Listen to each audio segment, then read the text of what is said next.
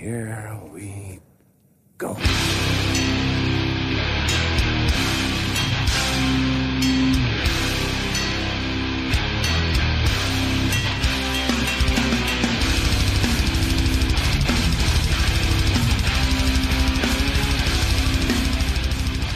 Ja men sådär och nere på noll avsnitt 140. Jag, Robin Lindblad, sitter här på en sladdrig Zoom-lina med Danne Nätterdal, Hej hej. David Olsson Nej men tjena. och med idag eh, specialgäst Mark Uå. Välkommen! Hej, tack så mycket. Välkommen tillbaka får vi säga. Ja, och äntligen med bra ljud. Bättre. Ja, och video för oss som eh, spelar in det här och inte för våra lyssnare tyvärr. Men eh, kul att se dig och eh, kul att se er andra med. Idag ska vi ju gräva oss ner i våra högst subjektiva åsikter om tre specifika bands karriärer. Vi pratar om Hatebreed, Earth Crisis och Black Flag. Alltså det är ju en eh, härlig godispåse vi har här. Vi ska se när våra vägar korsas och när de eh, branchas ut åt helvete. Eh, och så får man väl stå till svars för de åsikterna, förväntar jag mig.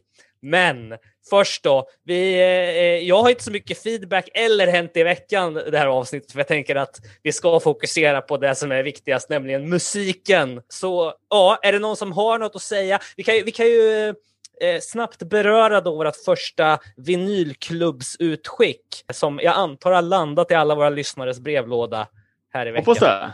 Ja, jävligt kul med just eh, sekunderna-releasen med ett limiterat omslag. Vi får väl skicka ett, en stor shoutout till sekunderna som, eh, som hjälpte oss med den grejen. Ja, vad, kan vi hinta någonting om nästa släpp som dyker upp i mitten av februari kanske?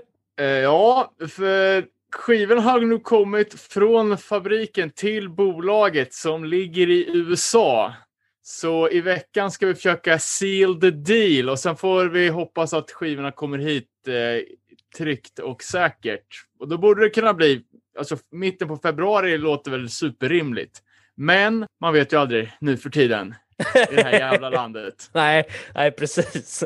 Dock får man väl ändå säga att vi hade jävligt eh, god tur med, med den första leveransen här med Postnords hantering eh, för en. Ja, ja, men det verkar ha gått, eh, gått eh, jävligt snabbt. Eh, jag tänker att vi kommer avhandla sekunderna och månadens vinylsläpp lite mer noggrant i nästa avsnitt. Den har ju precis kommit in, så vi har väl inte riktigt hunnit gräva så vi kan återkomma med en full recension. Och jag hoppas att folket där ute eh, tar sig tid och mödan att skriva ner eh, några rader, gärna recension om man inte redan har gjort det i eftersnacksgruppen. Ju mer, desto bättre. Ja, men verkligen.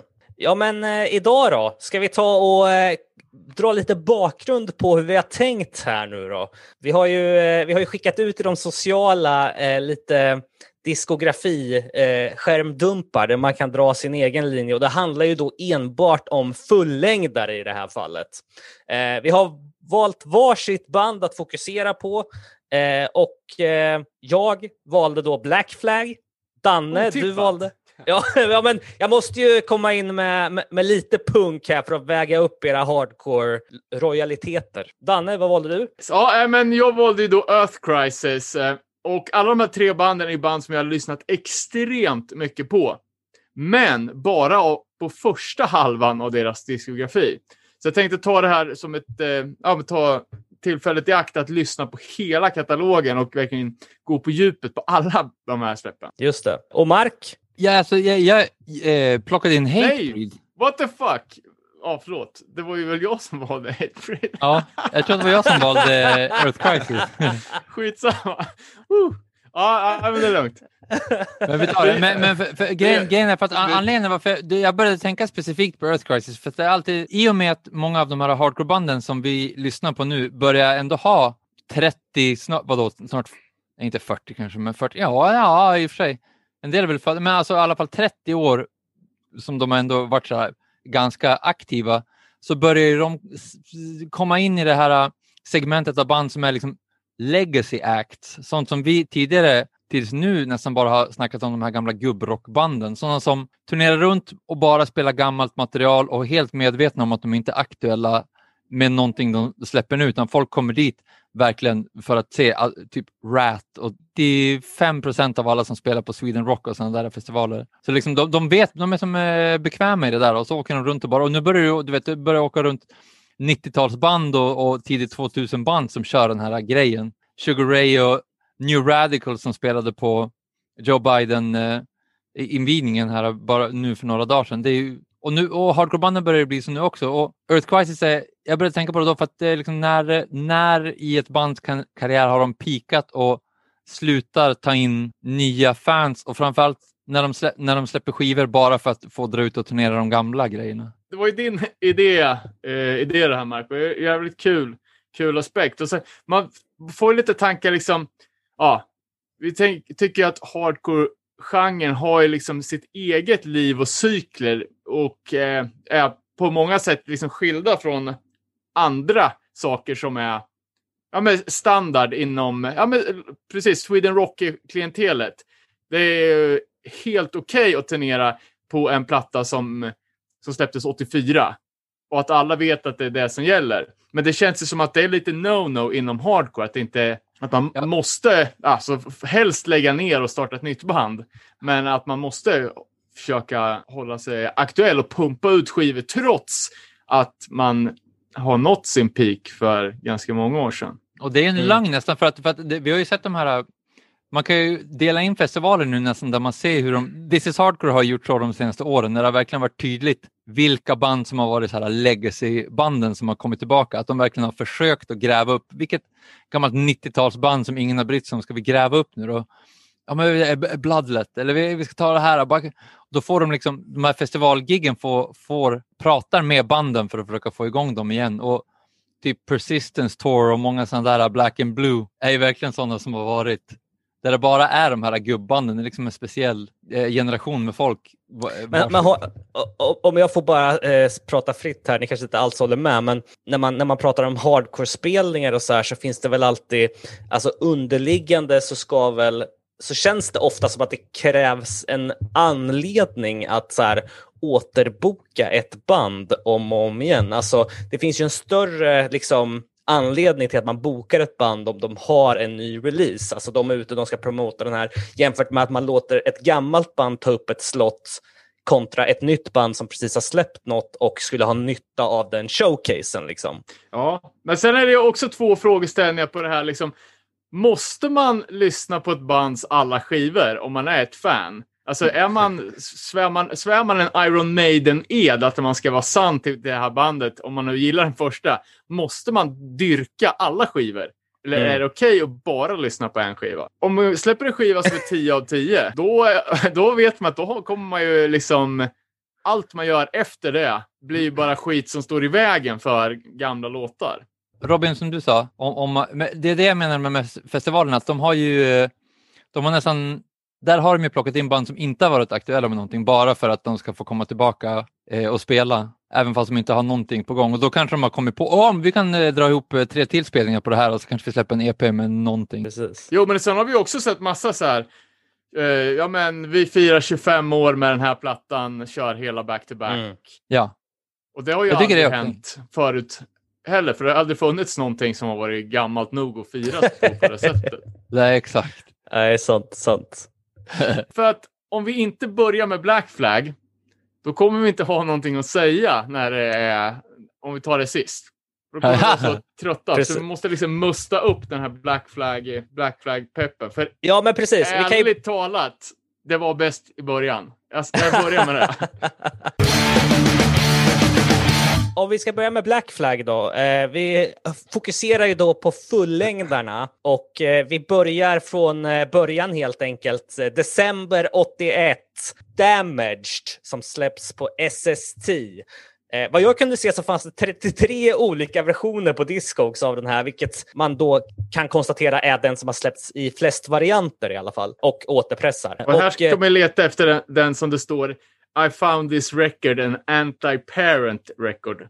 med, på en liten klisterlapp. Då vet man att den är tidig. Den här eh, skivan eh, rankades ju på plats 340 på Rolling Stones lista av världens 500 bästa skivor genom tiderna. Och eh, Pitchfork har ju också rankat den på nummer 25 av sin lista på Top 100 Albums of the 1980s det är väl där man vill börja egentligen när man pratar om Damaged, att det är en svinbra platta. Alltså, vad är det? Typ så 40 år senare så är det ju fortfarande en jävla resa att lyssna på den här. Inte minst då med, med Rise Above eller Police Story som är liksom ett jävla call to arms. Liksom. Ständigt aktuellt också.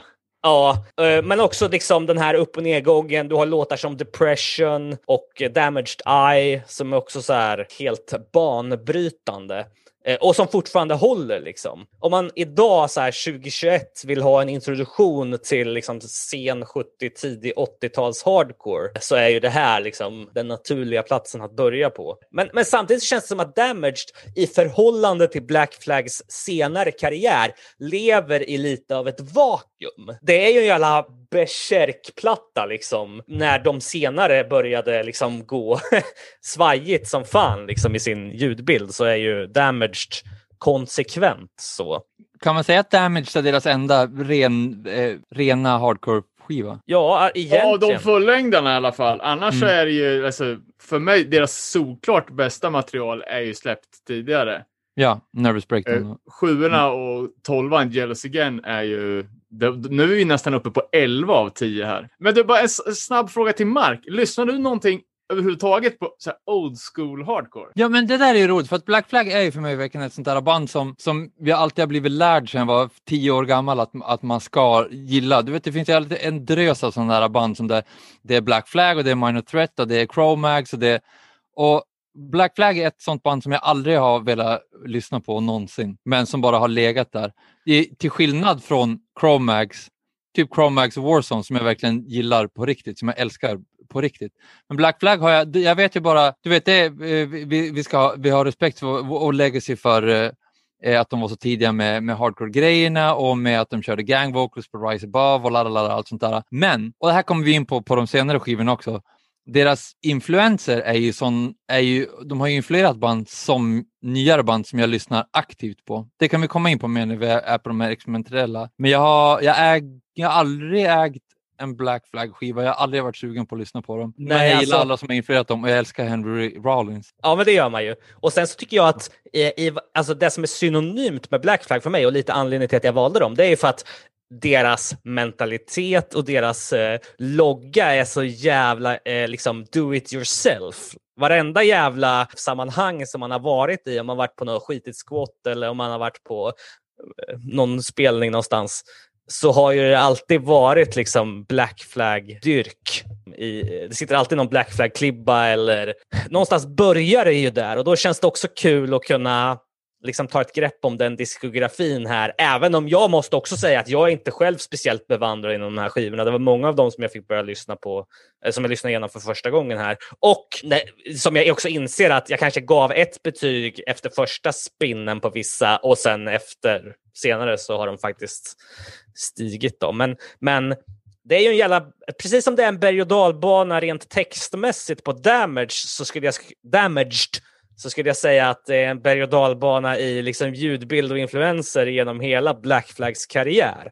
Så, eh, men det man verkligen kan se på, på första släppet här, det är ju liksom hur medlemmarna liksom etablerar sig som bra musiker. För det är de ju. De är ju jävligt bra musiker. Alltså Greg Ginn med, med Guran liksom, eh, som, som får skina redan här. Liksom. Visst är det också Henry Rollins första inspelning? Ja, det är det. Och det är ju bara låtar som andra skrivit. Det är inga Henrys texter. Det här är Nej. karaokeplattan. Och det är också någonting som utvecklas genom deras karriär. Liksom, att han börjar ta mer plats och skriva texter och sådär. Absolut. Men ändå så tycker jag att eh, de håller ganska, ganska starkt vid de temana som, eh, som Henry skriver om i sina texter. Och det är liksom den psykiska ohälsan och den missförstådda mannen. Alla Black Flag-plattor har ju nästan en A-sida och en B-sida som skiljer sig ganska mycket. Mm -hmm, ja, verkligen. Eh, här kommer brottet inte direkt på sida B, utan några låtar in. Men sen kommer vi in på de här, alltså då blir det, sista sex låtarna är ju liksom tema psykisk ohälsa och depression. Liksom depression, room 13, damaged, paddle och så vidare. Första delen av skivan är ju mer, mer som ja, men klassisk hardcore punk, rise above, liksom den. Nej, men jag skulle säga bara också om Black Flag när vi pratar legacy. Så, och DIY är ju att de och DOA i princip la grunden för, eller inte bara i princip, de la grunden för DIY-turnerande. Och bröt ny mark som alla andra efterkommande band kunde haka på. Mm. Jag menar, och det var ju att de var ute och kuska och spela i varenda jävla bondhåla i hela USA som gjorde att det bara poppade upp band överallt. Och där blev liksom den grejen som kallas American Hardcore. Kom Mm. ju mycket tack vare det där. Liksom. Precis. Vi, vi pratade om eh, do it yourself och deras liksom sätta standarden för turnerande och så här. Jag skulle också kunna säga att här på Damage rent textmässigt så är ju texterna en blandning mellan att det är banalt och att det är liksom så här, ja men saker är orättvisa. Liksom. Eh, eh, det är orättvist, typ. Att sångstilen och aggressionen i sjungandet gör att det känns liksom ja, men, rotat i åsikter så. Och det var ju det som, det är liksom band, band som Los Crudos och Gloss som tog den här liksom ilskan i sångstilen men eh, be, liksom la den på en grund av en politisk, politisk ståndpunkt. Liksom. Medan Black Flag mer, alltså det känns inte som att Damage är speciellt politisk utan den är mer så här irriterad. Ja, exakt.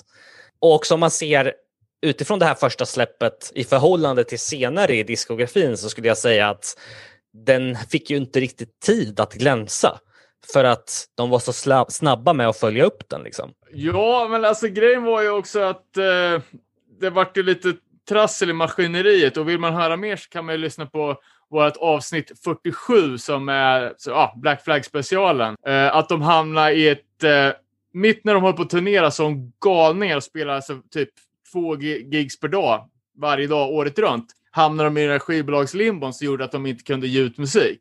Eh, och det har ju också gjort att efter pausen från 81 till 83 så började ju liksom, liksom flod... Eh, fördömningarna hade ju brustit och det kommer fem plattor på två år. Plus en 12-tummare och plus en ytterligare 12 som de gjorde tillsammans med Minuteman Mm. eh, som heter Minute Flag. Eh, så det, det, det är liksom, ja, resten av katalogen är ju utpumpad på, på typ två år. Eh, och det kan ju vara en, en anledning till att det låter för jävligt många gånger. Eh, och att de har släppt skivor som är ren improvisation. Har det Ja, hänt precis. förut i hardcore? Eh, det är, näst, det är, det är ett av mittensläppen, Family Man, som är improviserad jazz på ena sidan och, sp- och spoken word poetry slam på den andra. Ja men exakt. Helt eh, instrumental liksom. Rep, första vändan i replokalen. ja exakt, Ja. exakt. Och det, Och då där- är det bra att man har sitt eget skivbolag som kan släppa vad fan som helst. Ja exakt. Och har man läst Henry Rollins böcker, liksom, speciellt den då In the Van, heter den så? Get in the ja, van. det- ja, Get in the Van, som handlar om turnerandet. Liksom att det var ju ingen som gillade det här stilbytet. De fick ju, det var ju bara spott och spe. De turnerade satan, men det var ju ingen som i princip gillade deras låtar. Så att någonstans integritet och ändå bara pressa ut skiva efter skiva till eh, massornas besvikelse. Jag tycker att generellt många av de här experimentella grejerna också är de är viktiga bara för att göra, bevisa en poäng eller liksom göra ett exempel av dem, men det är ingenting man vill lyssna på.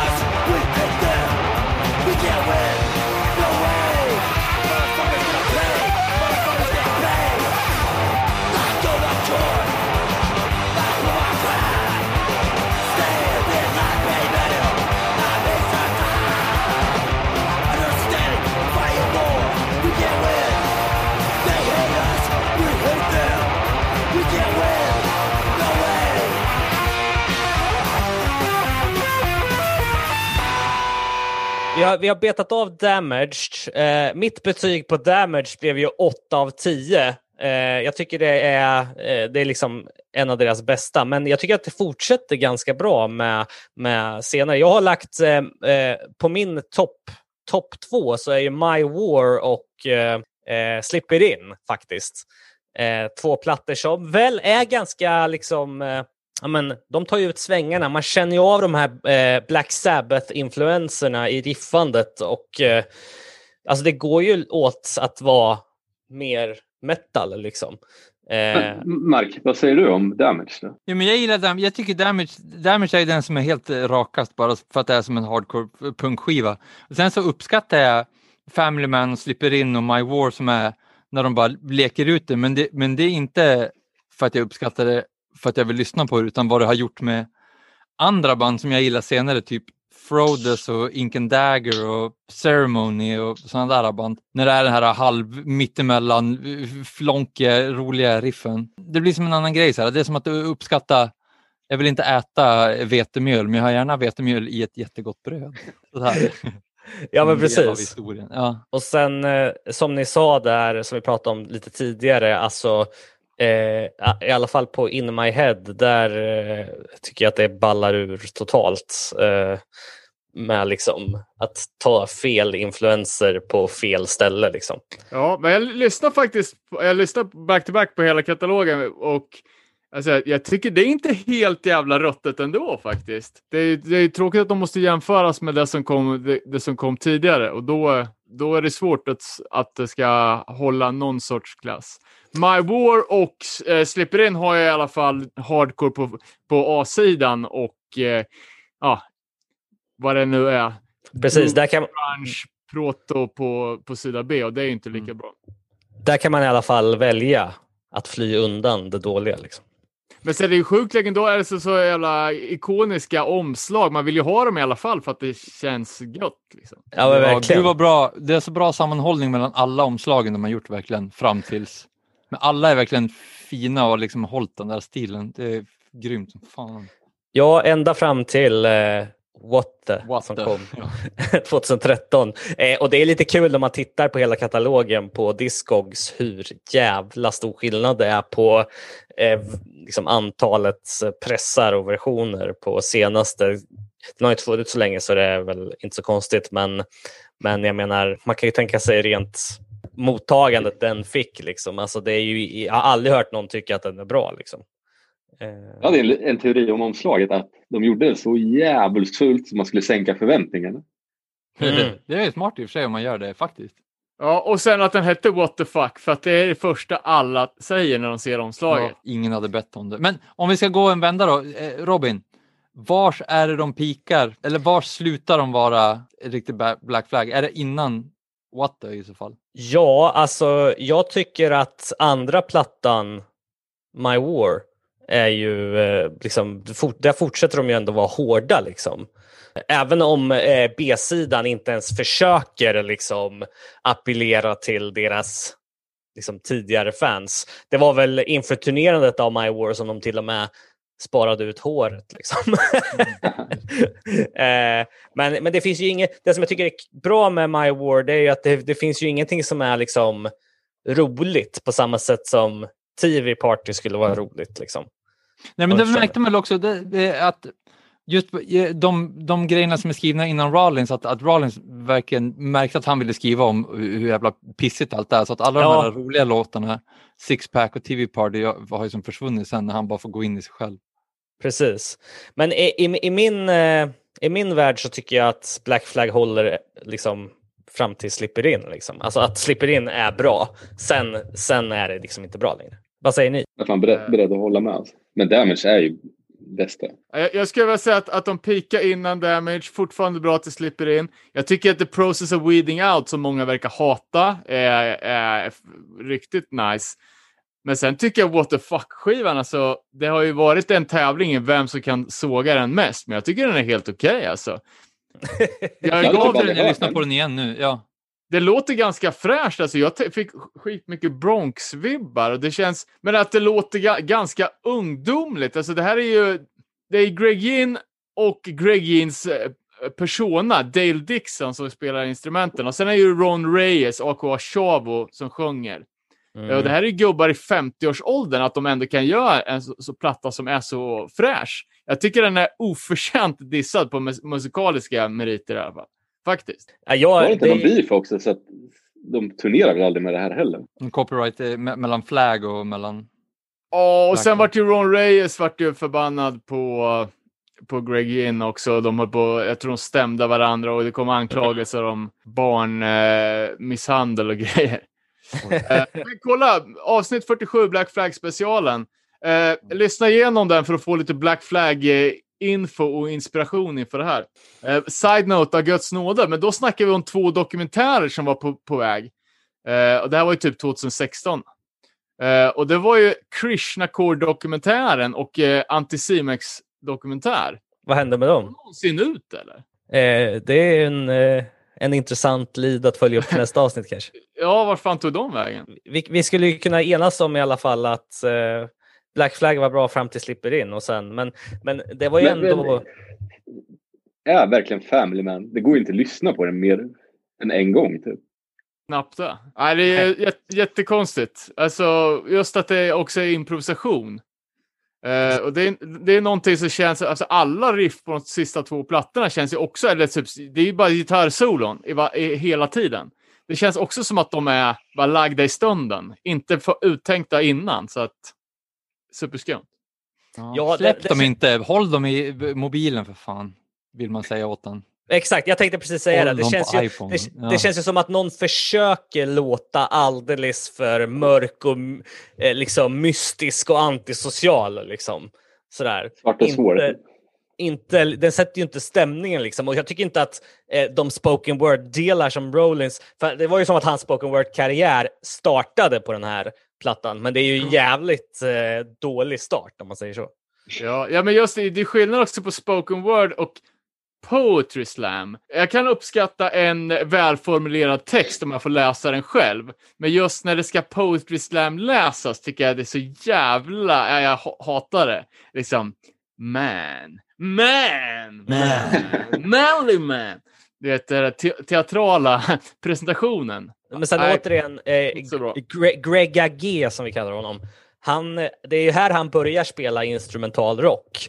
Och eh, det är ju någonting som har varit hans liksom, signatur i, utanför alla projekt som han har haft utöver Black Flag sedan dess. Typ. Mm. Okej, ska vi gå in på E? Ja, kul! E som Earth Crisis.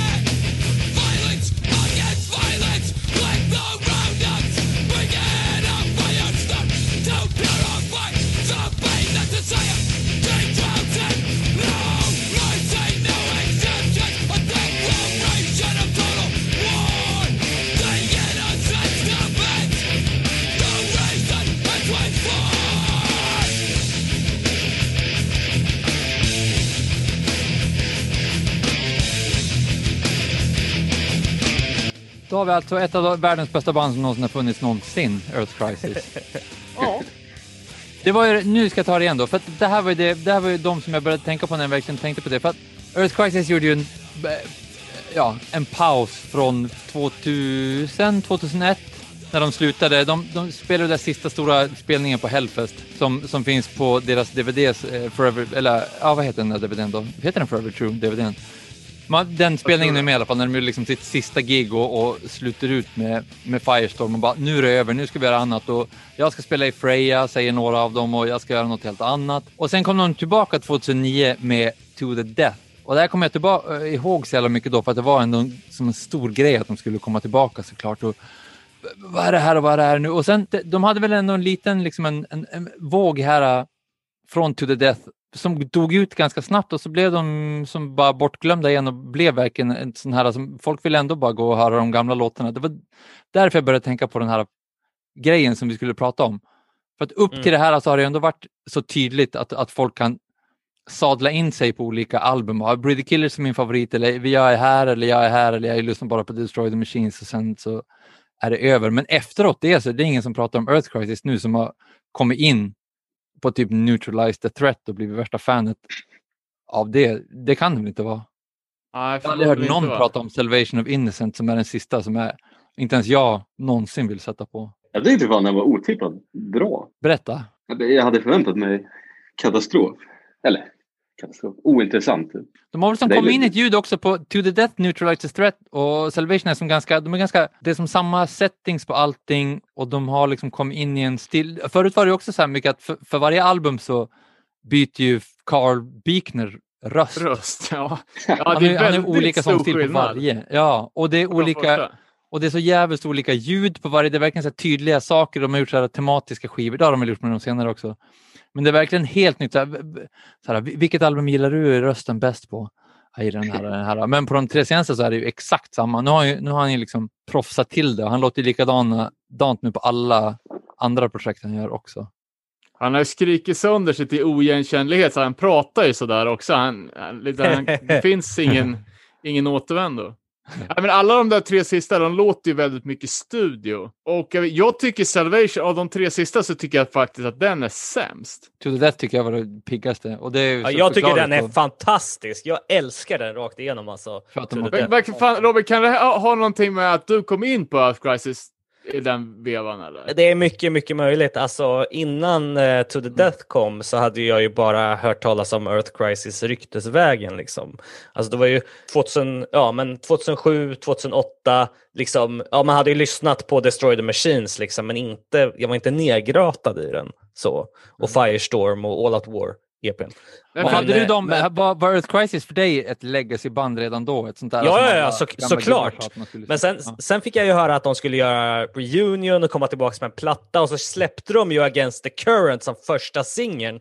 Jag kommer ihåg att jag rippade den från Youtube så jag hade den i min MP3-spelare. Och den, alltså, den låten är ju en riktig jävla straight edge pepplåt alltså. Plus att de, jag tror det var inför, eller i alla fall i samband med släppet, släppte de ju demon på, på, demon på sjua på Seventh Dagger. Mm. Straight Edge-bolaget som var det coolaste då. Eh, och där känns det som att, jag vet jag är ingen expert på, på, på, på det, men typ 2009 att det var en liten low point för Straight Edge överlag. Det känns Ja, men att- Dagger kom ju och kickade Störst- igång det ja, där. eller hur? Med en massa, med en massa band, X Represent X och AFB och Tyrant och vad heter de då? The War. Ja, Mm. Massa av de där banden som verkligen var hår- Det var ju den här Stomp-tröjan också. ju. Ja, men cool, cool merch, feta nya band och det var någonting som var spännande och nytt. Det kom väl Eh. efter Have Heart Champion-grejen, äh, äh, det här glada Amazecore-grejen Mm. Ja, okej, ja. som hade varit. Som jag ju aldrig var inne i, jag var ju alltid kvar i Och sen, sen kom ju även Youth Crew-grejen tillbaka också med React Records till exempel som släppte många det. bra band med Mindset och så. Just det. Så då kom, Så att ja, då var, för, för jag märkte också i Umeå att det var många som, som verkligen fick upp ögonen för, för Earth Crisis bara genom To the Death, att, att det var liksom deras eh, viktigaste. Ja, men det är ju... Var det den när de, har- är det den när de har en video när de eldar upp någon knarklabb eller vad fan det är? Kan det vara det? To the Ashes? Som, när, Ja, Ja. exakt. Jag tycker också att det är det bästa, den bästa av de, de nya. Mm, av de där. Men vilket bolag är det här släppt? på? Century Media och det är ju två... två Det känns ju det- lite major label. Ja, men det är det ju. Det är ju mest major i deras eh, katalog dittills skulle jag säga. Jag vet inte om, hur man ställer Century Media mot Roadrunner, men det känns ju som att Century Media 2009 är större än vad Roadrunner var 98 när de släppte Breeder Killers där. Ja, och ska man snacka bolag så är det liksom Salvation of Innocence. Den är släppt på... Den, först och främst är den släpptes den endast på CD från början. Vilket känns ganska märkligt. Och då släpptes den av ett bolag som heter Candlelight Records. Det är kanske något som du känner till Robin? Ja, ja för fan. 1349, Analna Thrack ligger där. Emperor ligger där tror jag. Precis, Det- väldigt namnkunnigt enslaved black metal-bolag. Vilket också känns lite random. Ja. Eh, och vinylen kom ju något år senare sen på ett bolag som, de, det heter Black on, Back on Black och de gör reissues av hårdrocksskivor utan att man behöver ha något kontrakt, utan de bara gör så one-off-grejer. Mm. Massproducerat totalt. Det där är såna, Back on Black är sådana som brukar säljas på OBS och sånt där också. Ja. Som bara står i någon back. Obs! Vilken jävla härlig throwback. Eh, Dark Side of the Moon, Dark Side of the Moon och, och eh, Egypten Iron Maiden-skivan. De släppte en serietidning tillsammans med, med den också. Salvation-skivan. Okej. Men om man ska prata peak, det är ju jävligt många som, som alltid säger, precis som vi kommer in, kommer in på Hatebreed sen med ett visst album, att "Ja, vad fan, jag slutar lyssna till Destroy the Machines. Mm. Det är en sån trött åsikt och alla säger det hela tiden. Jag tror det är väldigt många som säger att de sluta lyssna innan, eller vad sa du? Alltså innan Destroyed Machines också. Att man bara lyssnar på Firestorm typ. Ja, sen blev de för metal, Destroyed Machines. Jag, jag vill ju komma ut nu direkt med piken. För jag, kan, jag tror att eh, det är väl jag och Snitting. Men jag är upp till Slither. Jag tycker att de gick ut på en jävla hög punkt på Slither. Deras new metal-skiva. Alltså, Ja. jag är beredd Alla att ändra ja. åsikt lite här angående Slither. Vi snackade ju om Earth Crisis i vårt Victor-avsnitt där jag berättade liksom min personliga Ja, men att jag skulle åka och se Earth Crisis till Tyskland och den skivan var ny och det var liksom, vi åkte in i Ruhrområdets hamn och såg det jävla kärnkraftverket och lyssnade på den här liksom lite rymdiga sången som man har på, på vissa av de där låtarna. Allting var så jag 100% rätt. Så jag har alltid hållit Slither kanske högre än de flesta. Mm. Undantaget då Snitting och Mark. Men ändå väldigt högt. Men nu inför den här riktiga genomlyssningen så är jag nog fan redo att backa lite på det. Att den i jämförelse inte är så jävla bra. Eh, och den ligger ganska, ganska långt efter övriga släpp på min lista faktiskt. Jag, jag kan vara med och stryka, jag kan stryka eh, Nemesis-låten. Den som ni gjorde video till också. Den, det är den svagaste. Refrängen är den svagaste på hela skivan. Annars tycker jag Jag den kan för lite om nu metal, men fanns den när det här kom? Ja, men det var ju då peak. Det här var ju peak runt fan Linkin Limp Bizkit Park och alla. Ja, alltså när det var, kan vara mekaniskt, alltså new metal corn och Limp Bizkit och sånt där hade ju funnits i flera, flera, flera, flera, flera år. Men det, var, det här var verkligen peak, peak, hybrid theory och alla de här andra som var lite så här vä- välputsade, Stark X. Machine Head gjorde det. ju sin uh, new metal-skiva också. Jag håller Slither högre än, än Breed the Killers. Det är därför den måste, där kurvan måste gå uppåt. Okay. För mig är kurvan uppåt hela vägen. Destroyed Machines är 10 av 10. Gomorrah Season Ends är 11 eh, av 10. Sen Breed the Killers, där planar det. Och sen så pikar det jävel på Slither, det är 12 av 10. Nej, nej, men förlåt. Gomorrah Season Ends. Eh, Slither är, är eh, 10 också. Jag är väldigt säker på att du gillade Slither. Ja, nej, alltså jag kan uppskatta Slither som en liksom eh, betydelsefull platta. Liksom. Att den har ju spånat liksom, de här, den har gett uppskov till många bra band liksom. Och var banbrytande när den kom. Men i min bok så är det inte alls mitt, eh, mitt Earth Crisis, så att säga. Eh, Earth Crisis är ju generellt svår, svårlyssnade, de är ju det. De har Mm. aldrig, det är ju bara nästan i princip Slither-skivan där de gör, där de tänker på så här vers, refräng, vers, refräng, Mhm. någonting. Annars har de har ju bara matat fem partier efter varandra och han har, han har, han har, ska vi säga, i- han har, han har gjort en family man, Carl Beekner, att han har suttit i ett annat rum och skrivit texten och sen bara kommit in och bara dragit det ovanpå. Det är sådär han gör. Men jag tycker det är också ett malande som är så här att Destroy the Machines kan jag bara ha på i repeat. Det bara går och går och går och går och så kommer riff efter riff efter riff. Det är som bara en enda lång låt tycker jag för mig. Som är så jävla bra. Breed the Killer tycker jag är svinsvår att lyssna på. Det är hans sämsta sång någonsin. Och många grejer. Det är hård skiva som helvete. Den är ju militant som fan, men det är ändå den jag väljer sist tror jag, av, de, av första eh, eran. Och det, det, det som var så jävla nice också när To the Death kom, och, för det är den som jag håller högst i min, liksom det var ju att det var, som du sa, Straight var lite på nedgång där 2009. Man hade många favoritband som hade lagt ner eller som hade droppat. Alltså jag lyssnade mycket på Something Inside, tyskt straight band de hade lagt ner då. Man var ju peppad på liksom svenska band, eh, Stay Hungry, Balance och sådär. Så det, ja. Men sen när To the Death kom, då blev man så här, ja fan, eh, Bruchner har inte åkt till Palermo och druckit rödtjut de här åren, liksom, utan han är fortfarande lika straight edge och förbannad. Och med öppningsspåret eh, liksom against the current så blev man ju medveten om det och det var det som var, gjorde så jävla stor impact på mig som blev också blev straight edge i den vevan. Liksom.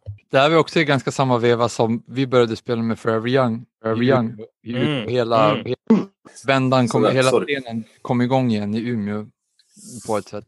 Ja, men exakt. Jag hade, jag, jag hade anledning att lyssna igenom The Chance häromdagen och den håller fan fortfarande. Alltså, jag älskar den plattan. Det är det bästa hardcore-släppet som jag har varit med på.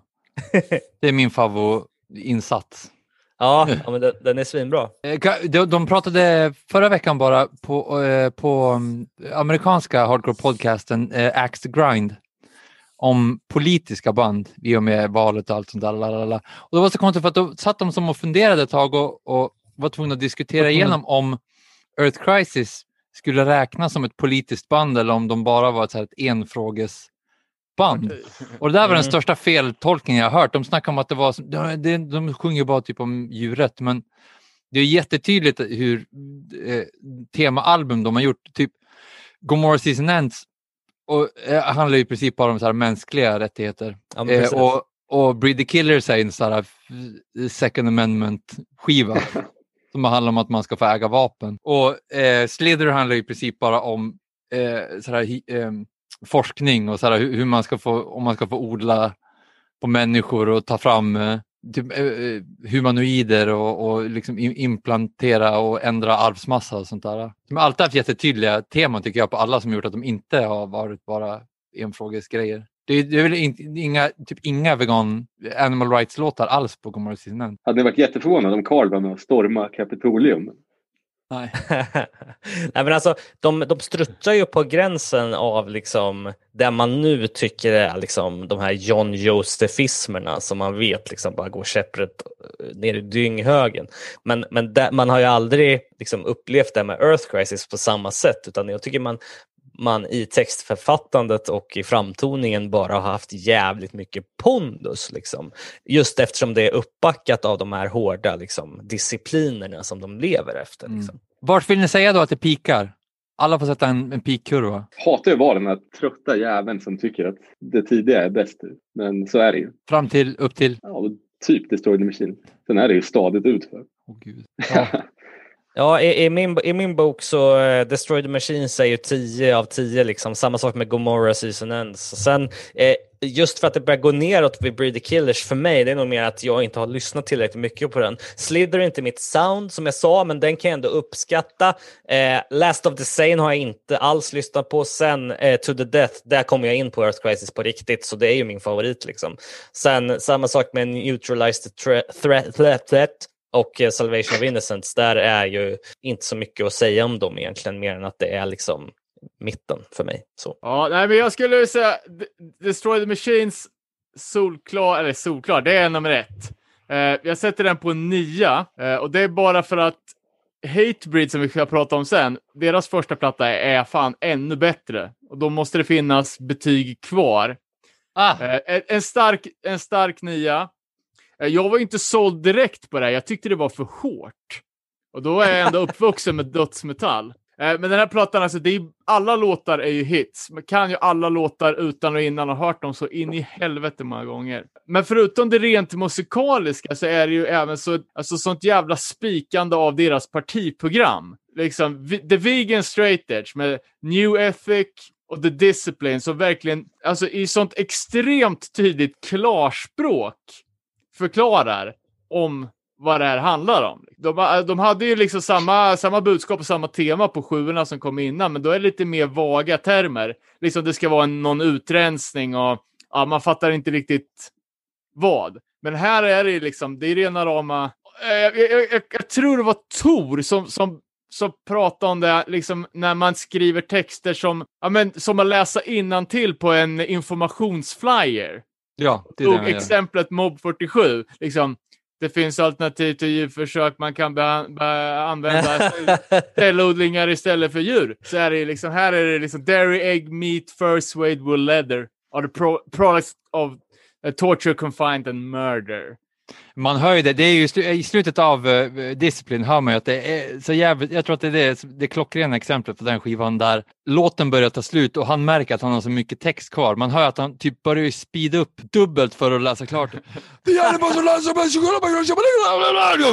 Hinna, hinna klart det bara. Det är Och sen- jävla, jävla kul. Sen liksom också kryddat med bibliska referenser. Så jag, jag vet inte om det var så använt liksom i de här kommande grönsaksbanden, att man körde så stark att det hela tiden är det heliga liksom. Mm. Nej, innan det. Nej. Sen tog de det för mycket nästan. Då blev det för lite eh, B-uppsats på universitetet och blev bara eh, rakt från Bibeln. Eh, sen Go- Gomorras då, så håller jag ju och fortfarande jävligt högt. Eh, den här skivan så väntar jag ju på att den skulle släppas och köpte en ny. Liksom. Och det var, alltså, då var ju Earth Crisis ett av mina topp tre band. Liksom. Jag hade nog inför det här avsnittet bara på gut feeling tänkt att sätta en tia faktiskt. Men På, jag, på Gomorra? Ja, jag, men jag har fan ändrat mig alltså. För mitten på skivan med låtarna Constrict, Names car, Name Carved into Granite och eh, Situation Generates, de är inte så jävla bra som man vill minnas. Där de! Jag, jag tycker skivan börjar ju helt, helt magiskt och bästa låten, Morality Decay, är ju en av de hårdaste jävla låtarna som finns. Men just det här mittenpartiet tycker jag är, är lite på halvfart faktiskt. Nej gud, jag, åh, jag blir så ledsen. Jag tycker Situation Degenerate är typ en av de bästa. Jag tycker det är så jävla coolt. Det är typ enda låten på de tidiga låtarna när han spelar snabbt också. Jävla hårt. Det är som att han bara står ute i något så här smutsigt övergivet hus med massa hängande kedjor. Jag, det, jag tycker att Gomorrah Season skivan har så jävla skön den här kornstämning med så här smutsig mellan, eh, mellan USA utan att det låter så mycket så. Ändå, men alltså bara den här stämningen. Fy fan, den är så jävla mörk och hård. Absolut. Jag, jag tror också att om länge har jag önskat att Destroy the Machine ska låta som Gomorrah Season för att jag tycker att han har, det är peak sång, det är så jävla hårt, rent ljud på Gomorrah Season som gör att den låter så ondskefull. Och de har de här konstiga dissonanta ackorden som One King Down, God Loves Man Kills, som de har bara kopierat rakt av. Det är därför jag älskar den skivan så jävla mycket också, bara för att de har kopierat den eran av Earth Crisis så jävla hårt. Med de här de där grejerna. Jag tycker om själva ljudet. Jag älskar ljudet på Gomorrah. Ja, ja, men det är det jag jag, jag det- sa. Jag Charmigt ljudet. dåligt är det. Ja, Jag tycker det, det fetaste av alla, alla plattor faktiskt är att den är så extrem. Ja, nyslipad jävla sågklinga som det börjar droppa rost på. Ja, och liksom sången är ju den sjukaste någonsin. Ja, det är den Mm. bästa sången som någon någonsin har. Speciellt i Morality Decay tycker jag är också jävla Åh. fet alltså. Och sen då Breed the Killers, nytt sound igen. Märks att de har turnerat med Madball, för nu är det helt plötsligt lite, lite studs i det hela. Ja, det är sportigt nu, faktiskt studsigt. Jag tänkte fan också på Madball när jag lyssnade på den nu. Där är gunget. Typ. Ja. Och det är också kul liksom så här. Jag är ju en vurmare för hardcore unity, men att band som Earth Crisis och Madball som har totalt motsatt, ja, det är väl kristendomen då som håller dem tillsammans. Men annars har de liksom totalt, det ena bandet gillar att liksom käka steaks och, och röka på och de andra är liksom Earth Crisis. De, Men att de ändå kan vara bästa polare. Det kommer jättemånga historier om det där nu i, i massa eh, podcast nyligen. New York Hardcore Chronicles och jag kunde höra en massa när de har verkligen berättat om de här turnéhistorierna som man inte hört jättemycket om tidigare i intervjuer och sånt där. Nu när de får prata lite friare, det är svinkul att höra det där. Hur bra polare de var. Scarhead, Madball och Earth Crisis. Ja. ja, det fanns ju några feta turnépaket. Jag tror Hatebreed har också varit med på Just någon det. så här super-line-up. Jag tror om Breathe the Killers hade haft bättre sång hade den hamnat högre upp också. Jag hade gärna kunnat skippa också Rob Flynn-låten. Vilken är det där? Jag kommer inte ihåg. Ja, vad heter den då? Han är med och sjunger på den där i alla fall. Eh, sen tycker jag alltså Ultra Militants bästa Earth Crisis-låten, för den är så jävla thug. Jag tycker den är, eh, den är ju så jävla cool alltså. Man vill ju gå ut och bränna någonting på dirr efter den. Och sen introt på Wither, när det är så den totala monsterrösten. Alltså det går inte att toppa det, det är så jävla brutalt alltså. Nej, Eh, roligt i alla fall. Det är alltid, man alltid pratat om Earth Crisis. och bara, bara för att runda då på, på, det, på den sista, det, det som gör att jag inte varit så imponerad av Salvation of Innocence, det är att det som, partierna som jag tyckte var det nästan coolast och bäst på de andra grejerna är när det bryter av lite. Typ som Wither då, att det är monsterrösten, eller ja, det, det, det kommer ju lite så här olika, men alla sådana avstickare på Salvations är dåliga. Det är liksom som att de, ja, de ska göra något, något för att bryta av, av det lite, men alla de grejerna blir till det sämre. Jag tycker också att på de andra skivorna, på, alltså på Sleder, när man pratar många som klagar på att han sjunger och sånt där, då sjunger han ju på ett sätt mer sådär klassisk eh, rock typ, eller ja, någonting som är mer melodiskt. Men på Salvation of Innocence när han ska göra de där grejerna, då är det verkligen, då går de in på någon konstig sån här saggig hårdrock. Ja, jag vet inte riktigt vad det är. Och det är, Jag hatar den. det är just det, eh, jag tycker Ma- Mattias Grane när han var med och pratade om, om någonting, att han nämnde att en viktig krydda i, eh, i hardcore måste vara angelägenhet. Och det känns ju att den har sjunkit ganska markant liksom från det här, ja, de tre sista plattorna. Att de tycker samma saker som de har tyckt i nästan hela sina liv nu. Det finns liksom inte den här nyfrälsta glöden som kan lägga liksom ett extra lager av entusiasm, liksom, utan att Nej. Nej, men och sen finns det, ju inte, det finns liksom inte utrymme i folks medvetande heller tycker jag med att prata om något annat än politik och medborgarrättsfrågor. Liksom. Eh, I, i, I alla fall inte i, eh, på, på samma, liksom, det får inte samma uttalade kick som Earth Crisis fick under tidsperioden 90-talet, två, tidigt 2000-tal. Liksom. De gjorde nog ganska rätt i att göra, när, de, när de slutade på Hellfest efter det där, det, var, det är väl det cleana breaket ändå, där de inte, Mm. hade, där det inte hade gjort så mycket, för, eh, tycker jag, om de inte hade kommit tillbaka. De hade kunnat vara råa, våldsamma eh, innan, innan det utan att behöva komma tillbaka efteråt. Bonk. Spelar de fortfarande? Det lär de gör, små, de gör strögig, de har inget så här aktivt band nu. de är ju coronaförnekare så de turnerar ju fullt. De spelar ju jämt.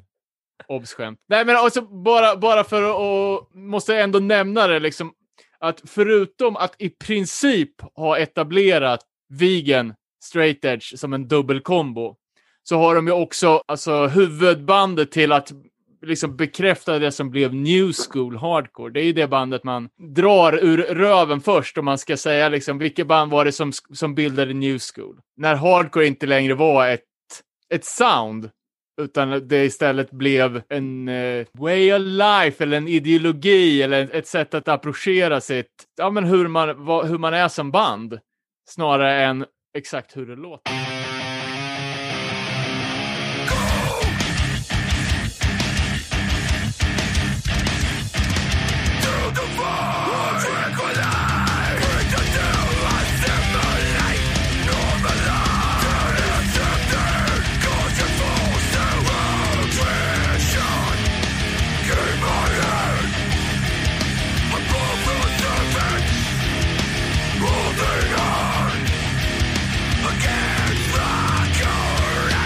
Eh, hatebreed. Bildade 94, släppte en demo 95. Vi släppte ju den extremt sjuka Under the Knife 7 eh, De som inte har hört den tipsar jag om att gå in och lyssna på den, för det ljudet är fan helt efterblivet coolt. Efter att ha varit jävligt aktiv i scenen i Connecticut har fått upp en buzz och varit då signade som ett helt eh, underground-band på Victory Records, som vid det här laget 1997 var hardcorens finrum nummer ett. Plattan The Satisf Satisfaction is the Death of Desire är för mig 10 av 10 och den bästa av alla skivor som vi kommer att prata om här idag. Finns dock en engelsk podd som jag hörde, eh, där de spenderar fyra timmar om att diskutera på vilka sätt den här skivan suger Oj, jävla hipsters så ska jag alltid tycka tvärtom. För det här är fan så bra det kan bli tycker jag.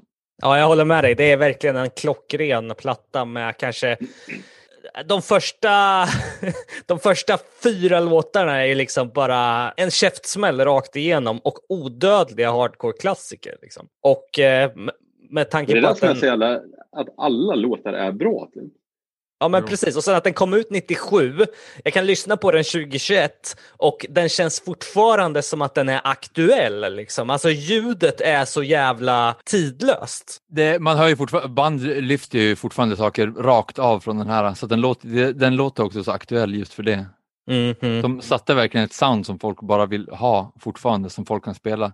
Mot, för det, är inte, alla som kan spela de här Slayer-riffen som, som Earth Crisis gör, även om man vill kopiera dem i attityd och sånt där. Men Hatebreed är ju verkligen band som bara modulerar efterifrån fortfarande. Här har vi också en sångskillnad som är att det, att det är väldigt stor skillnad i sången från den här eh, och framåt. På nästan samma sätt som Destroy the Machines och, och Death before Dishonor, att de båda kör den här hesa, strypta sången så bara så här båda och sen så ändrar de till någonting annat. Ja, jag- första gången jag började höra på den här så åt jag geléhallon och varje gång jag hör den här fortfarande så tänker jag på geléhallon. Det är jättebra.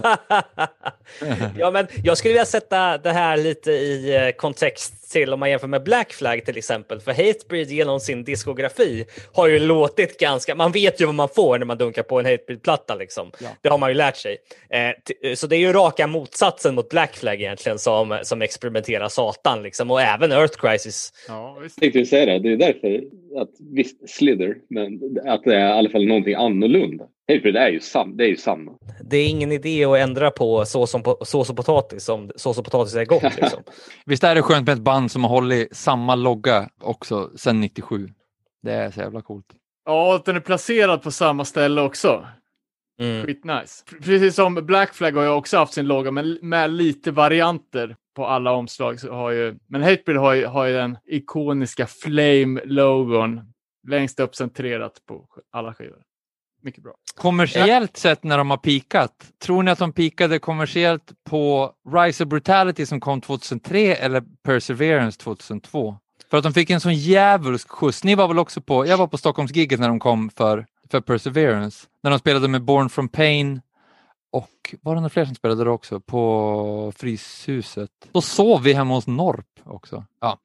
För då, kom vi, då var vi från Umeå. Men jag tror att de var ännu större på Rise of Brutality. Då, då spelade de ju också på Hultsfred. För då hade de ju alla, alla då eh, hade de två videos på den. Eh, Live for this och This is now. Videos Mm. på, på MTV. Full jävla rulle. Ja, det är, det är svårt att säga liksom när de har... Har Rent peakat. kommersiellt känns det som att det skulle ju kunna vara med, Nu. nu. Ja. Ja. Fan, det är sant faktiskt. Typ Divinity of Purpose. Alltså sådana, sån udda. För att de får spela på de här stora festivalerna nu. Det är sant faktiskt. Enligt Spotify så är ju en låt från förra plattan, den här, vad fan heter Concrete Confessionals, deras överlägset mest spelade. Vilken är det? Once I had a shock my two ahead, I said I wasn't worth a bullet. Gud, Men eh, någonting som gör att eh, i alla fall Perseverance eh, får liksom lite extra, vad ska man säga, cred.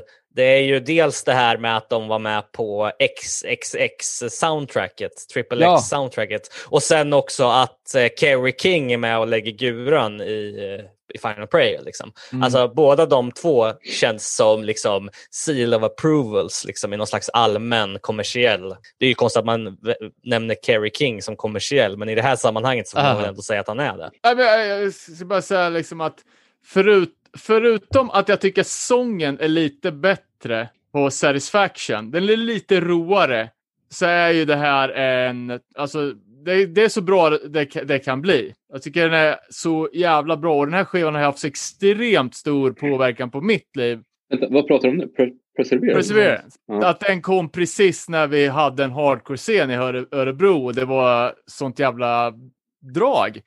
Asmycket bra spelningar. Path and Return var i sin peak och var Sveriges coolaste band. Och liksom de så jävla oblygt bara körde covers på de nyaste bästa låtarna som till exempel Proven liksom.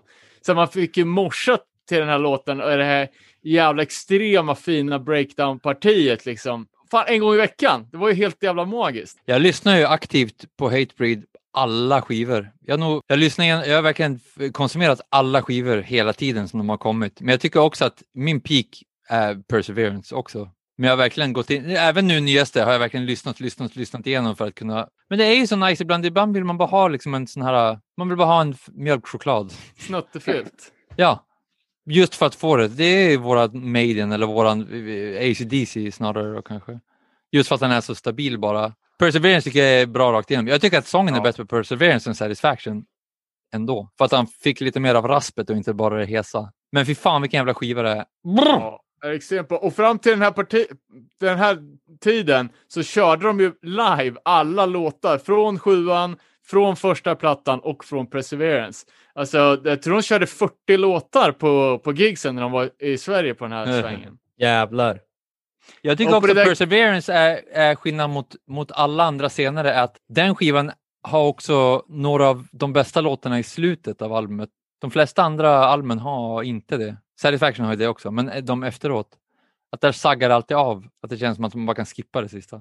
Mm. Vad är Persever- Det är typ Century Media eller någonting. Ja, den är Universal. Universal. Eh, Så, så bolagsmässigt så är det ju alltså, det är en jävla resa. Från att vara ett, liksom ett underground tough guy-band som var väldigt alltså sub, sub av subkultur, liksom skitsmå demoband som harvar på och lät typ sådär. Så var det ett band som lyckades liksom komma upp på Victory-nivå. Och sen efter fem års turnera satan så landar de ett kontrakt på Universal. Och, Och med det är väl- första och näst sista gången som ett hardcore-band har hamnat på en major label. Eller? Vilket Ja. är det andra då? Sworn Enemy. Elektra. Bam. Ah, jag vet inte, men jag kommer inte på något Mm. annat i alla fall. Jag skulle, skulle vara kul att höra lite hur, hur det gick till när de blev signade på Universal. För att innan det så fanns det, var det ju inga som var ens alltså, i närheten av att bli ma- mainstream. Liksom. Finns garanterat i något av alla en miljon avsnitt som, som Jasta har av sin eh, Jag, Det är alltid brukar- roligt att lyssna på honom där. Han pratar jävligt mycket. Han berättar jävligt mycket historier. Ja. Jag brukar inte lyssna på det, jag har för lite tid. Alltså jag hinner knappt lyssna på musik, tyvärr. Jag, men jag gjorde ett försök att lyssna på The Jasta Show, senaste avsnittet med John Joseph. Och då var det så här, vad fan håller de Nej, jag på stängde av det också. Det var helt olycksningsbart. Jag brukar lyssna på allt med John Joseph, men där fick han ju verkligen gå lös. Han var värre där än när han var med i Joe Rogan. Var det knasigt eller vadå? Men han, pra- han, får, han, får ba, han släpper bara rakt ut med alla konspirationsgrejer som han gör. Ja, men det var ju så här, liksom, det nya coronavaccinet är gjort på döda foster och det är... Det är Chemtrails man, you know, the proper carnivore said in the Bhagavad that... ja, det är en riktig jävla teflonkeps alltså. Ja, Är jag, Jamie Jasta och Joe Rogan lite lika eller? Inte till utseende, till personlighet. Jasta kan ha en del sådana där äh, grejer också som man går lös på. Ödlefolket och sånt där. jag skulle vilja säga att min kurva över Hatebreed-plattor är som ett par schyssta måsvingar. Liksom. Det börjar upp och sen så går det ner och sen så går det ner och upp, Upp igen. igen. Liksom. Eh, så att eh, Satisfaction 10 av 10. Jag tycker Supremacy också 10 av 10. Liksom. För jävla bra.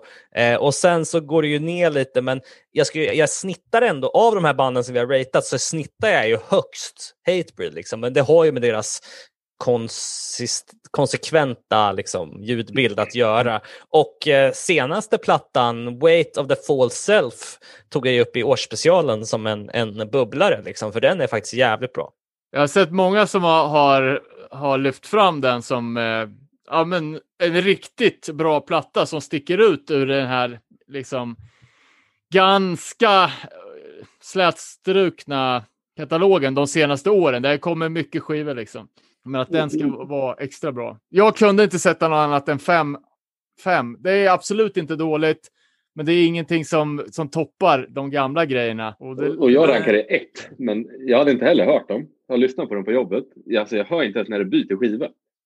Nej, men det är ju jävligt lika. Mellan, Tjog, mellan tjog, typ tjog. Divinity of Purpose, Concrete och så är det. Jättekonstigt. Den, den självbetitlade som kom 2009 med eld på. Ja, vad fan är, vad är, vad är på omslaget? Jag, jag tittar på den och förstod inte ens vad det ska vara. Nej, någon sån här ängelstaty som står. Men jag hade den jättemycket peak när jag eh, var ute och löpte och letade efter låtar att löpa till. He hela den skivan är i princip samma takt. Ja, hela, nice. skivan ligger mellan 170 och typ 185 bpm. Så att den går att löpa till nästan från start till slut. Men man tänker också på Hatebreed som lite så här gymkillemusik.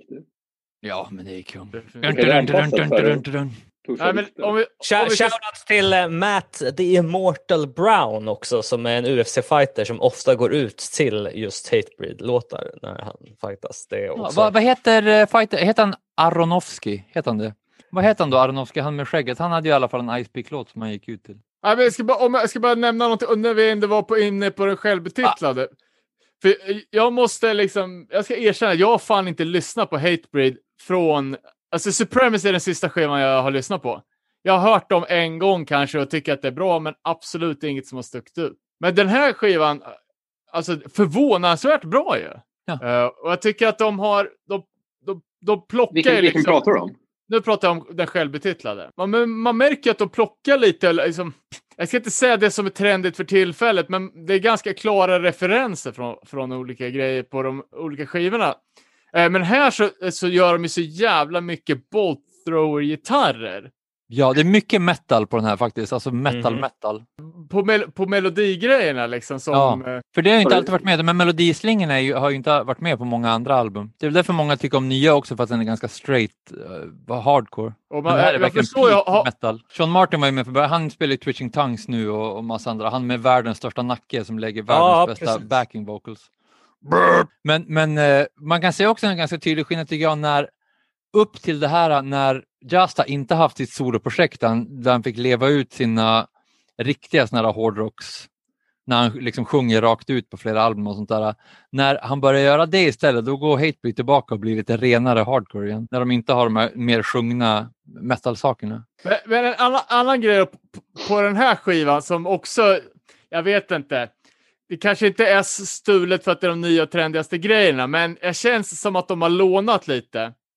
Eh, för jag vet ju att eh, Jasta är ju ett stort fan av vissa av de här kristna hardcorebanden i No Innocent Victim-klicken. Eh, och några år tidigare hade ju Jesus Wept släppt en jävligt fet platta som heter Shows Over. Eh, och de här killarna är ju mästare på körsång. De, kör, alltså, de, är väl, de är väl, har väl sjungit kör i kyrkan i hela sina liv. De har ju det här. Eh, och de lägger liksom så här mörka wow,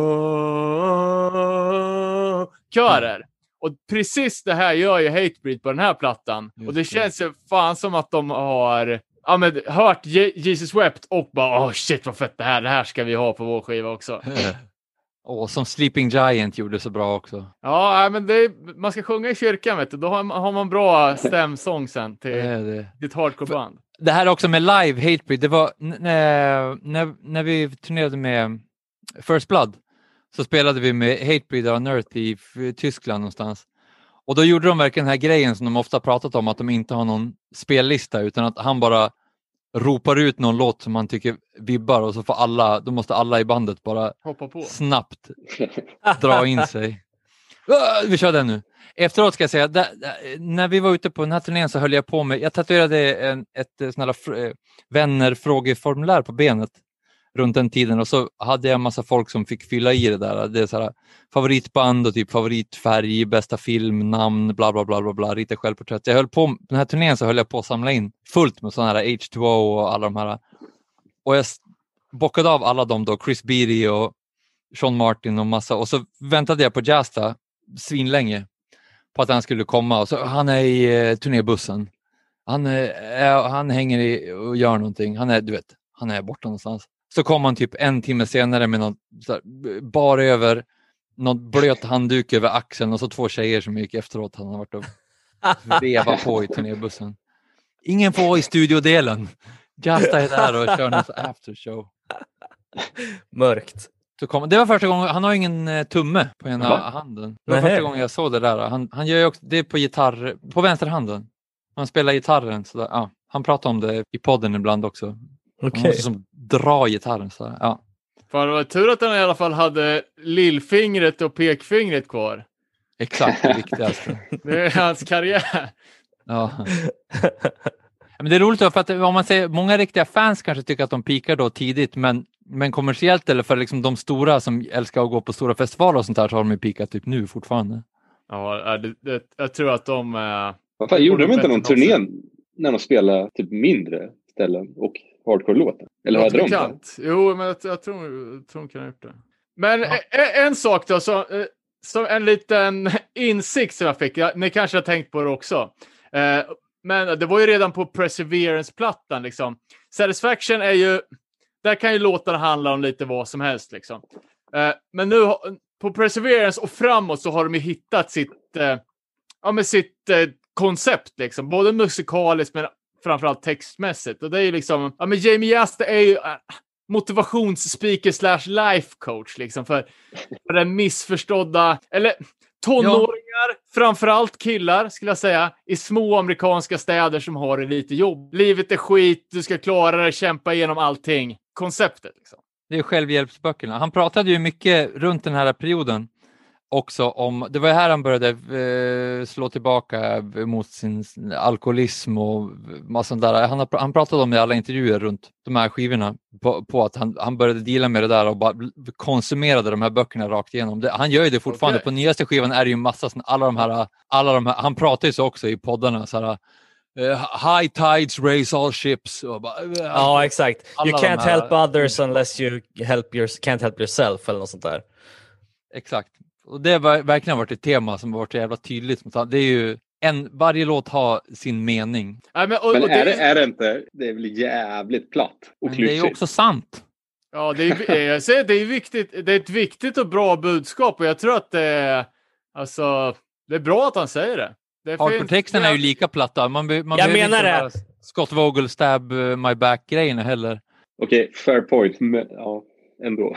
Du men kanske inte är är målgruppen lite- David. Du kanske mår för bra. Alla vi andra, vi behöver någon som berättar att det finns bra saker. Problemet kanske är blir om man, om man gör det på alla låtar på nio plattor. Men vad jag skulle säga här, om eh, målgruppen kanske från början var liksom ungdomar som hade det jobbigt och att målgruppen, eller publiken har ju åldrats med bandet som har funnits nu i hur många år som helst. Liksom. Och då tänkte jag bara, ja men fan texterna, de, de, de kan ju liksom uppskattas av vem som helst egentligen. Så jag började tänka så här att det är nog säkert ganska mycket så här Trump-folket som kan backa en hatebreed-text. Så då tänkte jag så här, bara, ja, nu ska jag låtsas att det här är ett nazistband. Och så ska jag dra på en random eh, hatebreed-låt och liksom lyssna på det ur en nazistkontext. Och det funkar varenda gång. Vilken låt som helst jag än provar och låtsades att det handlar om nazism så funkar det.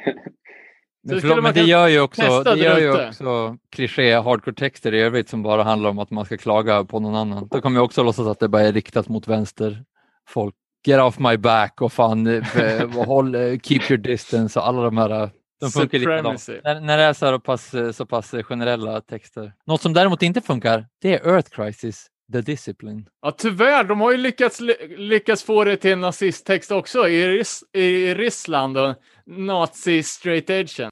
Nej, men alltså, av de här, som vi, som vi pratade om, av de här tre banden så är väl Hatebreed det som är eh, mest konsekvent genom hela sin diskografi. Sen så var det jävligt kul att, att liksom lyssna tillbaka på alla de här plattorna som man aldrig har gett någon chans med Black Flag och, och Earth Crisis och eh, cementerat sin åsikt om vissa av dem. Eh, och vissa blir man positivt överraskad av. Men, eh, men vi får väl ta och lägga upp våra grafer eh, i någon slags synk för övriga två band. Vi har ju redan tryckt ut en av dem och sen så eh, får vi göra det här igen med tre andra band tycker jag. För det är ju kul att ta ett helhetsgrepp om en hel katalog sådär. Och också se att vi enas ju någonstans, i alla fall i Hatebreed-facket, om vilka skivor som är, är bäst. Eh, det var väl mestadels Earth Crisis som vi avvek från varandra ganska rejält. Men eh, Ja, ju- och där, där så kan jag förstå vars man vill att de ska pika, men, men jag, jag har en personlig annan. Man kan ofta se vars där den generella åsikten ligger. Det var det jag tänkte Precis. var som intressant också med den.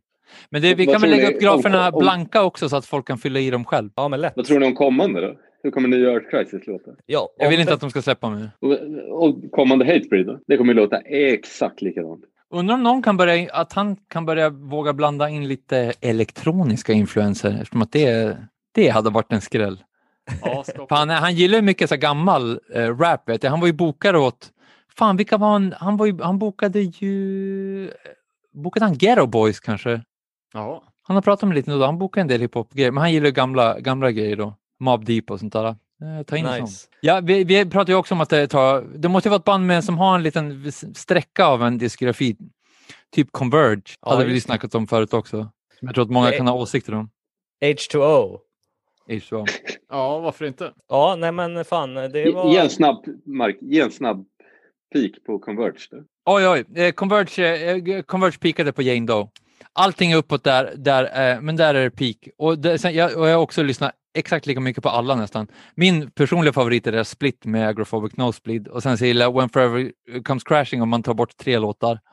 Men Jane Doe är ändå det största kommersiella, där flest fick hand om och den stilen som har hållit sig kvar mest bland alla, att man fortfarande ser folk som går omkring med det jävla ansiktet på. Och tyvärr också var det då, då de bytte till den fulare logotypen som inte var den här handritade grejen.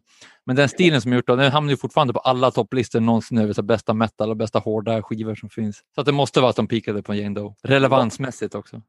De var, ju, de var ju ute på en turné, något oväntat paket skulle jag säga. Eh, det var Converge, Alexis on Fire och Four Years Strong som jag var såg på Brewhouse i Göteborg 2009. Eh, vilket var en upplevelse. Oj! Var det då de spelade på Debaser? det är mycket möjligt att de hade ett Stockholmsdatum då med. Ja. Eh, Converge bra. känns ju som ens favoritbands favoritband. Ja, faktiskt. Eh, Ja, men det kanske kan, kan, kan vara någonting. Jag skulle, skulle vilja alltså, ta, ta sig an uppgiften och lyssna in sig lite på ett band som man typ aldrig har hört. Nu har jag faktiskt typ tre, fyra skivor med Converge, så det är kanske inte rätt. Men det finns ju såna här superklassiska band som man bara har ignorerat i alla dessa år. Liksom. Mm. Är det något att ha? Vad är hypen med Crass eller ja, men, något sånt där? Så man har en samlad åsikt om hela diskografin fastän det kan skilja sig så mycket under alla under tio år. Ja, Det är så här svårt för Jag tycker alltid man är... Alltså, dels sågar man Hatebreed för att allting låter samma. Men när någonting sticker ut då tycker man det är konstigt också. Verkligen. Ja, men det, och det var lite det som jag, som jag sa inledningsvis då också, att banden får lite lida för att de har varit så jävla bra tidigare. Hade man tagit en, en senare Hatebreed-platta helt separat, om det hade kommit från ett nytt band, då hade man tyckt att den var mycket bättre och coolare än om det hade varit Hatebreeds åttonde fullängdare. ja, men Ja. precis. Kan vi få eh, förslag på band eh, som har pikat jävligt sent? Pikat efter tio år. Någon har förslag på det? Finns det något band som bara blir bättre och bättre? Det finns det, jag vet, vi har pratat om det här i något sammanhang. Åh shit. Late Bloomers har vi väl haft något avsnitt om. Det kom på massor med grejer. Oh, jag tycker att senaste Harm's Way är det bästa de har gjort. De har ju inte funnits jättelänge, men det, jag tycker att de pikar nu. Nej, jag kom fan inte på någonting. Jag skulle nog nästan säga, och det här är väl, eh, men jag skulle säga Pennywise. Nej, nej, nej, nej. Nej. Ja, Jag, jag tycker fan Never Gonna Die är jävligt bra. Aldrig hört. Slänga in en, en liten grej som jag ser här framför mig på mina anteckningar. Kul fakta då. Eh, på plattan, eh, den självbetitlade som kom 2009, så hade de ju signat på ett nytt bolag som heter E1. Eller E1. Eh, inget jag känner till, så där. men jag kollar vad, vad det här bolaget släppte för andra skivor i samma veva. Då var det skivor med Ringo Starr och Kenny Rod. Nå- Något eh, annorlunda liksom, sällskap eh, i jämförelse med tidigare bolag. Då. känns som att Hatebreed borde ju göra någon samarbete med någon superstor artist. Skulle lätt kunna fita på en Kenny Rod... Nej, nu är han död i och för sig. Eh, men någon countryartist. Det är typ lite samma, samma publik. Mm. Ja, Men jag tror att de håller det, så han är så jävla, eh, han är så jävla eh, klar med vad Hatebreed är för sorts varumärke så att allt annat som han ska leka med tar han ut nu på andra. Du vet, han spelar in Dee Snider och han har Jasta-projektet och han gör eh, Kingdom of Sorrow med... Ja, så att jag, ja just det. Vad fan. han håller det Det verkligen så här nog- rent. Han fattar exakt vad de ska göra bara och så ingenting ska udda ut från det där nu. Är det där Kingdom of Sorrow med någon från Crowbar? Ja, exakt. Det har man inte tänkt på på länge. Det är mörkt. De hade en, en, den singeln som kom från det första albumet där är ju ganska eh, hård, ren. Men Tycker ni ba- behöver banden släppa fler skivor? Nej, Eh, man tycker att de senaste typ 4-5 Hatebreed, då finns det någon låt som är riktigt bra och resten är mellanmjölk. Kan man inte bara släppa liksom en låt var fjärde år som en singel då? Ja, man, tar man den bästa som en skitbra singel, har samma effekt och sen så behöver det inte bli så mycket, så mycket lull-lull utan man eh, kan turnera på, på sin nya låt, göra ny merch och bli nya aktuella på en låt eller två. Fast, fast det är lite svårt att säga så, för att eh, eh, Hatebreed är inget, inget band som jag känner att allt som de släpper är liksom så här, att jag ser fram emot det på samma sätt. Man har ju några band som man är så här, okej, ja men det kommer komma en ny skiva, ja, men jag vet att det här rakt igenom kommer vara fantastiskt och jag kommer ta mig an varje ny låt med en liksom så här upptäckarglädje. Liksom. De banden skulle inte jag vilja att de, att de bara släppte en eller två låtar var, vartannat år. Liksom. Men eh, det, det är många av de här äldre också, de måste ju ändå lura systemet på något sätt genom att de släpper ett album så att de ska få dra ut och spela på de här festivalerna. Ja. För de där stora festivalerna kommer inte boka dem lika ofta om de inte har någonting. Titta, titta, titta, lyssna på oss här.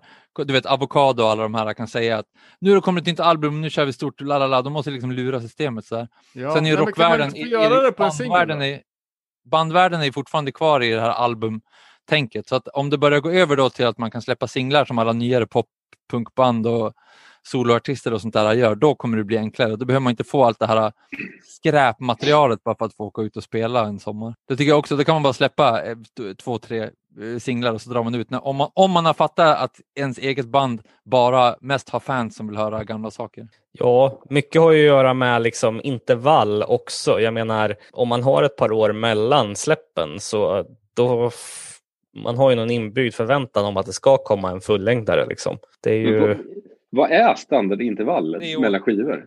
Är det tre år? Och om man då skulle släppa två singlar var sjätte månad under den tiden istället, skulle man känna en större koppling till bandet då eftersom de hela tiden är aktuella i ens... Det är ju en, eh, liksom en, en kamp om lyssnarens tid. Man måste ju väcka intresset. Ska vi börja bli dags att runda av eller? Tack för att jag fick vara med hörni. Ja, men fan vad kul att du var med och jävligt roligt ämne måste jag säga. Eh, vi får se till att samla upp lite fler band och kanske ta vara på den här eh, band som eh, man inte har gett en chans. Alltså, men som är klassiska typ och lyssna igenom och komma tillbaks. Jag kan ju bara nämna Circle Jerks som ett av mina så här som jag borde lyssna på eh, och ge en chans. Ja, Eh, du ser. Så att, eh, ja, jag tycker vi, vi spikar det. Det är alltid askul att ha med dig, Mark. Eh, du kom alltid med så himla bra insikter och musiktips. Eh, vad har du på gång nu? Jag vet att du har en webbshop uppe. Du kanske vill plugga den? Jag, jag säljer ju bara massa print. Jag har just släppt en, en, en, eh, en stor poster som, är, eh, som innefattar hela Umeå Hardcores historia som Jävla finns på, på webbshoppen. Det är stort jävla... Bara, det är en miljon små, små referenser till händelser i Umeå Hardcore och till album och till band och till massa skit. Så om man eh, går in på markua.bigcartel.com så kan man eh, se den där. Det är det nyaste jag lagt upp där i alla fall. Annars sitter jag bara här hemma och, och ritar och eh, olika saker hela dagarna. Helvete vad nice. Ja men fan, vi, vi, eh, vi tycker att det är jättekul att du är med oss. Eh, vi uppskattar eh, dina tillrop och ditt deltagande. Och vi, vi eh, laddar om pistolerna inför avsnitt 141. Vi får se vad det blir då, men tills dess, ni hittar ju oss på att nere på noll på Instagram, nere på noll podcast på Facebook, nere på noll podcast eftersnack har vi något som heter också. En, en bra grupp för in, om man vill in och veva om hardcore. Och sen så kan ni också alltid mejla oss på nerepanoll at gmail.com. Så annars, fan tack för idag hörni och eh, ni får ha det så jävla bra så hörs vi igen nästa gång. Tack, älskar er. Ha det. Tack själva. Tja. Man. Motherfucker just follow the nigga around, dude. That's real. True shit, y'all. Fuck these feds. Redneck. Racist motherfuckers. Man, I don't wanna run. run no more, but I know that if I stop, I'll be another nigga headed to heaven hanging with Pop. These motherfuckers look at me like I'm a slanger. Making threats to my family, dog. I'm in danger. Who do you call when these agents want you dead? And they hit these penitentiaries and niggas make a pledge. So I dip and duck the fed. All my homies stuck out on indictments. Caught up on the phone talking prices. 25 to life's the mandatory minimum. My whole community gets treated like they criminals. Crying convictions, getting motherfuckers hung. Gotta see out on the inside and everybody's song.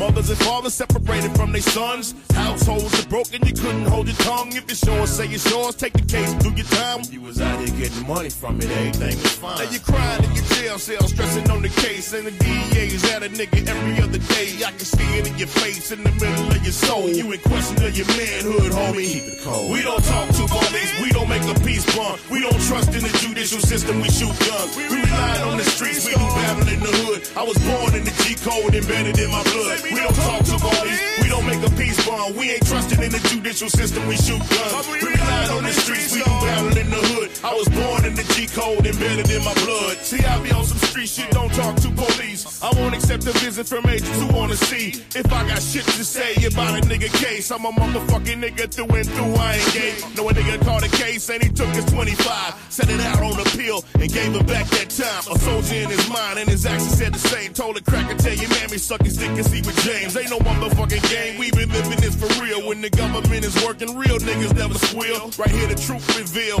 Draw you a mouse, yeah, you rapping, but the homie Lil Pots can't get out. Niggas, they hit the pen, they get charged, then get out. On a rule 35, he informing for the cops. You can hear it in his voice, I listen to the tapes. Now you showing up in court, testifying for the state. We don't talk to police, we don't make a peace bond. We don't trust in the judicial system, we shoot guns. We rely on the streets, we do battle in the hood. I was born in the G code, embedded in my blood. We don't talk to police, we don't make a peace bond. We ain't trusting in the judicial system, we shoot guns. We rely on the streets, we do battle in the hood. I was born in the G code, embedded in my blood. I'm knowing all the scams, all the tricks to the trade. Know a nigga trying to get clean and you get in the way. Know a nigga trying to get green and you stick out the bait. Cause a nigga like a dope fiend can't rehabilitate. Still we sticking to the G code, we play it by the rules. We don't fuck around with new niggas cause new niggas is fools. We don't photograph the homies that'll catch a nigga up. On the picture you a victim, but I'm lying, nigga, fuck. Only connect with real, staying down with the truth. I got love for you, man. You a real nigga spook. My nigga Spoonie G, I can only name a few, but it's a thousand motherfuckers in the pen bulletproof. So this one here for you, I'ma rap it till I die. Fuck a 5K1, check his PSI. Send his ass to the top if he say he sit at home. He a motherfucking snitch, snitching niggas need a song. We don't talk to police, we don't make a peace bond. We don't trust in the judicial system, we shoot guns. We rely on the streets, we do battle in the hood. I was born in the G code, embedded in my blood. We don't talk to police,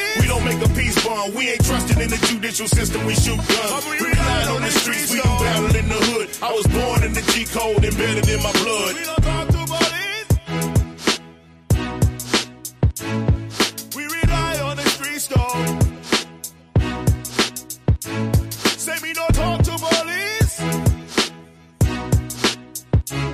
But we relied on this street store.